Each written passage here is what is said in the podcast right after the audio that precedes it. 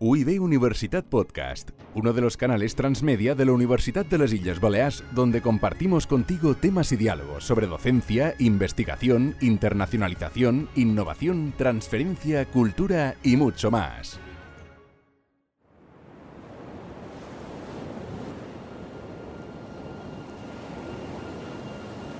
Alguien que fue a la vez filósofo, poeta, místico, teólogo, activista, además de ser considerado como el padre del catalán, y que vivió en una época en la que Mallorca era un cruce de culturas, un lugar donde convivían cristianos, musulmanes y judíos, ¿podría ser equivalente a lo que hoy en día conocemos como un referente social?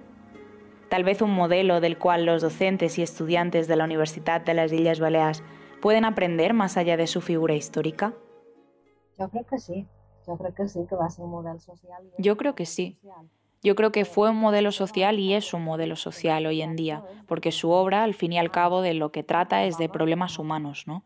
Del hombre como, no diré centro del mundo, pero prácticamente, y su relación con el mundo. Yo y parte de una preocupación existencial clara. ¿Qué hay más allá del ser humano? ¿Y qué trascendencia tiene? Su actuación yo creo que sí que fue modélica, entre comillas, en el siglo XIII, porque desde el momento que tenemos a todo un grupo de personas que aquello que quieren es imponer, él se dedica a convencer, argumentar para convencer. Aquí está la gran diferencia. Es decir, Yui no quiere que una cosa sea así porque él lo ha dicho o porque lo ha dicho otro. Ha de ser así en función de los argumentos que conducen a esta conclusión. Y por eso fue un modelo y por eso es un modelo, porque actualmente aún vivimos en una sociedad en la que el diálogo no siempre aflora, no siempre existe, y la imposición todavía tiene un largo recorrido.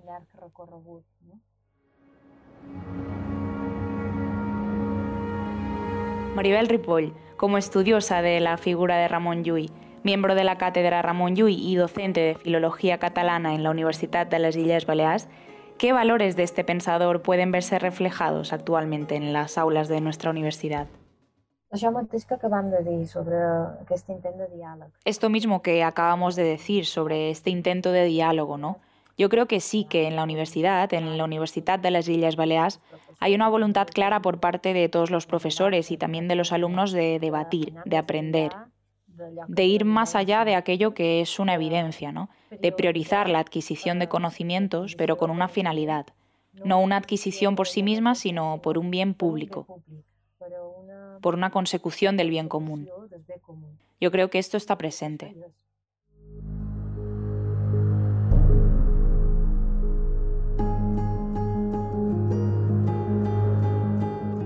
Vivimos en un mundo donde la imagen es muy importante.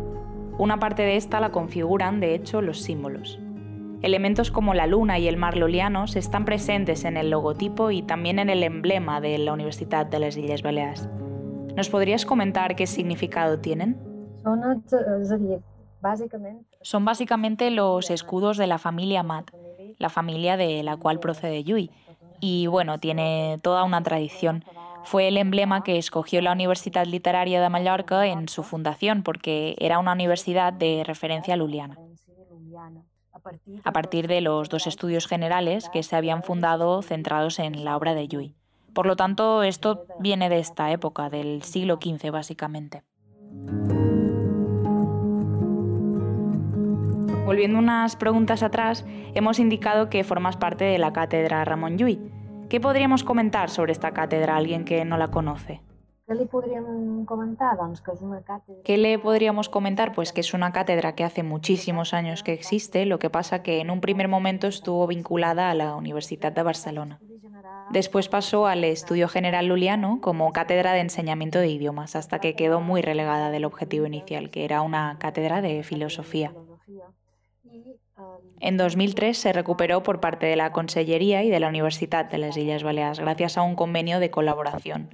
¿Qué función tiene la cátedra? Pues la función de acercar Yui a la comunidad universitaria y, en consecuencia, a la sociedad general de la isla. también tiene una función evidentemente científica en la universidad, que es estudiar o investigar a Yui desde un punto de vista riguroso, científico, en conexión con todos los centros internacionales que estudian la figura de Yui.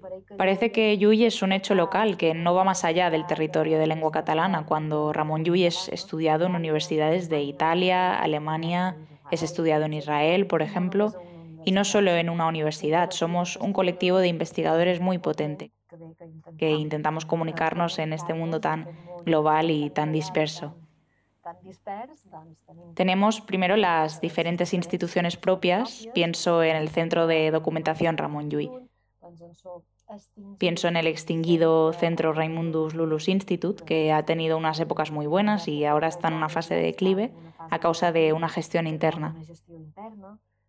Pienso en los centros de Italia, pero también pienso en la Majoricensis Scola Lulistica, que es una entidad surgida en Mallorca hacia el 1935 que publica cada año el Estudia Luliana, que es una revista precisamente de eso, de cohesión del gremio de lulistas. La cátedra está involucrada directamente tanto con el Estudia Luliana, ayudando con la edición, como con el resto de universidades y centros de investigación.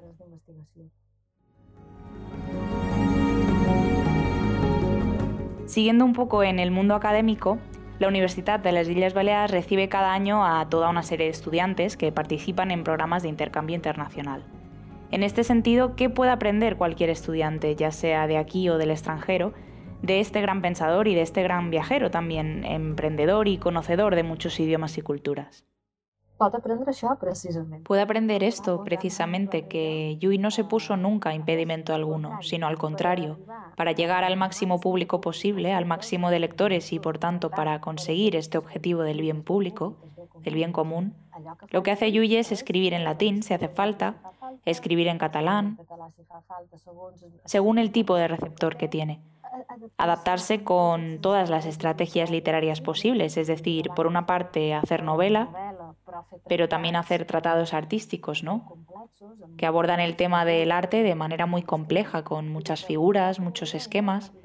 Quiero decir que lo que quería era llegar al máximo de gente, por lo tanto, adaptarse. No tenía ningún inconveniente si hoy estaba en París, en irse a ver el Papa a Italia y después irse al norte de África, porque este era su trabajo, la consecución del bien común.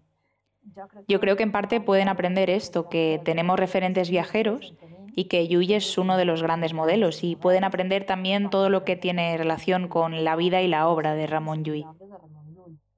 A veces nos sorprendemos porque son precisamente los estudiantes que vienen del extranjero los que muestran un interés más evidente por esta figura y cuando les explicas un poco en qué consistió la vida de Yui, que ya de por sí es espectacular, y luego tenemos la obra que desarrolló, pues sobre todo el eco de su obra el lulismo, la, parte lulista que hasta ahora perdura, una tradición de 700 años, pues se quedan maravillados.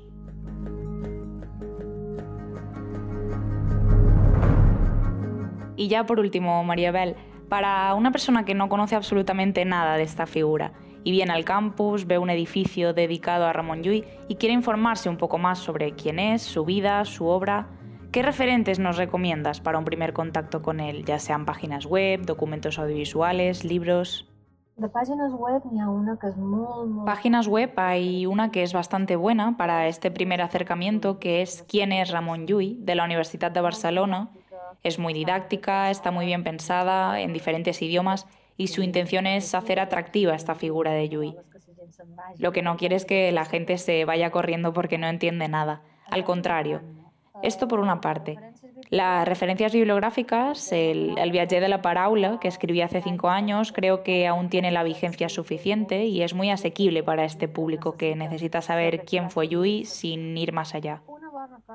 Una cosa buena que yo creo que tenemos que potenciar mucho y que por las circunstancias diversas que ha habido ha quedado quizás un poco en segundo plano son los dos documentales que hizo IB3 durante el año Yui. Por una parte, Ramón Yui, que es un documental de siete capítulos muy bien elaborado, y por otro lado la serie de dibujos animados que hizo la Universidad de las Islas Baleares, la DAT y la Cátedra Ramón Llull. Yo creo que son unos materiales muy buenos, muy bien hechos y que, por ejemplo, tienen mucha repercusión en los niños. Yo creo que eso nos puede ayudar mucho. Hay más, ¿eh? estos serían los básicos, a los que siempre recurrimos a la hora de invitar a alguien a entrar en casa de Yui y que se recree un rato, ¿no? Pero encontramos muchos otros, también en función del grado de interés. Evidentemente esto para un público muy general va muy bien, pero para un público que ya requiere de un conocimiento más técnico, por ejemplo, la base de datos Ramón Yui también sería importante. No sé, o el documental al que me he referido, que ya entran un poco más allá de la dimensión puramente personal del personaje.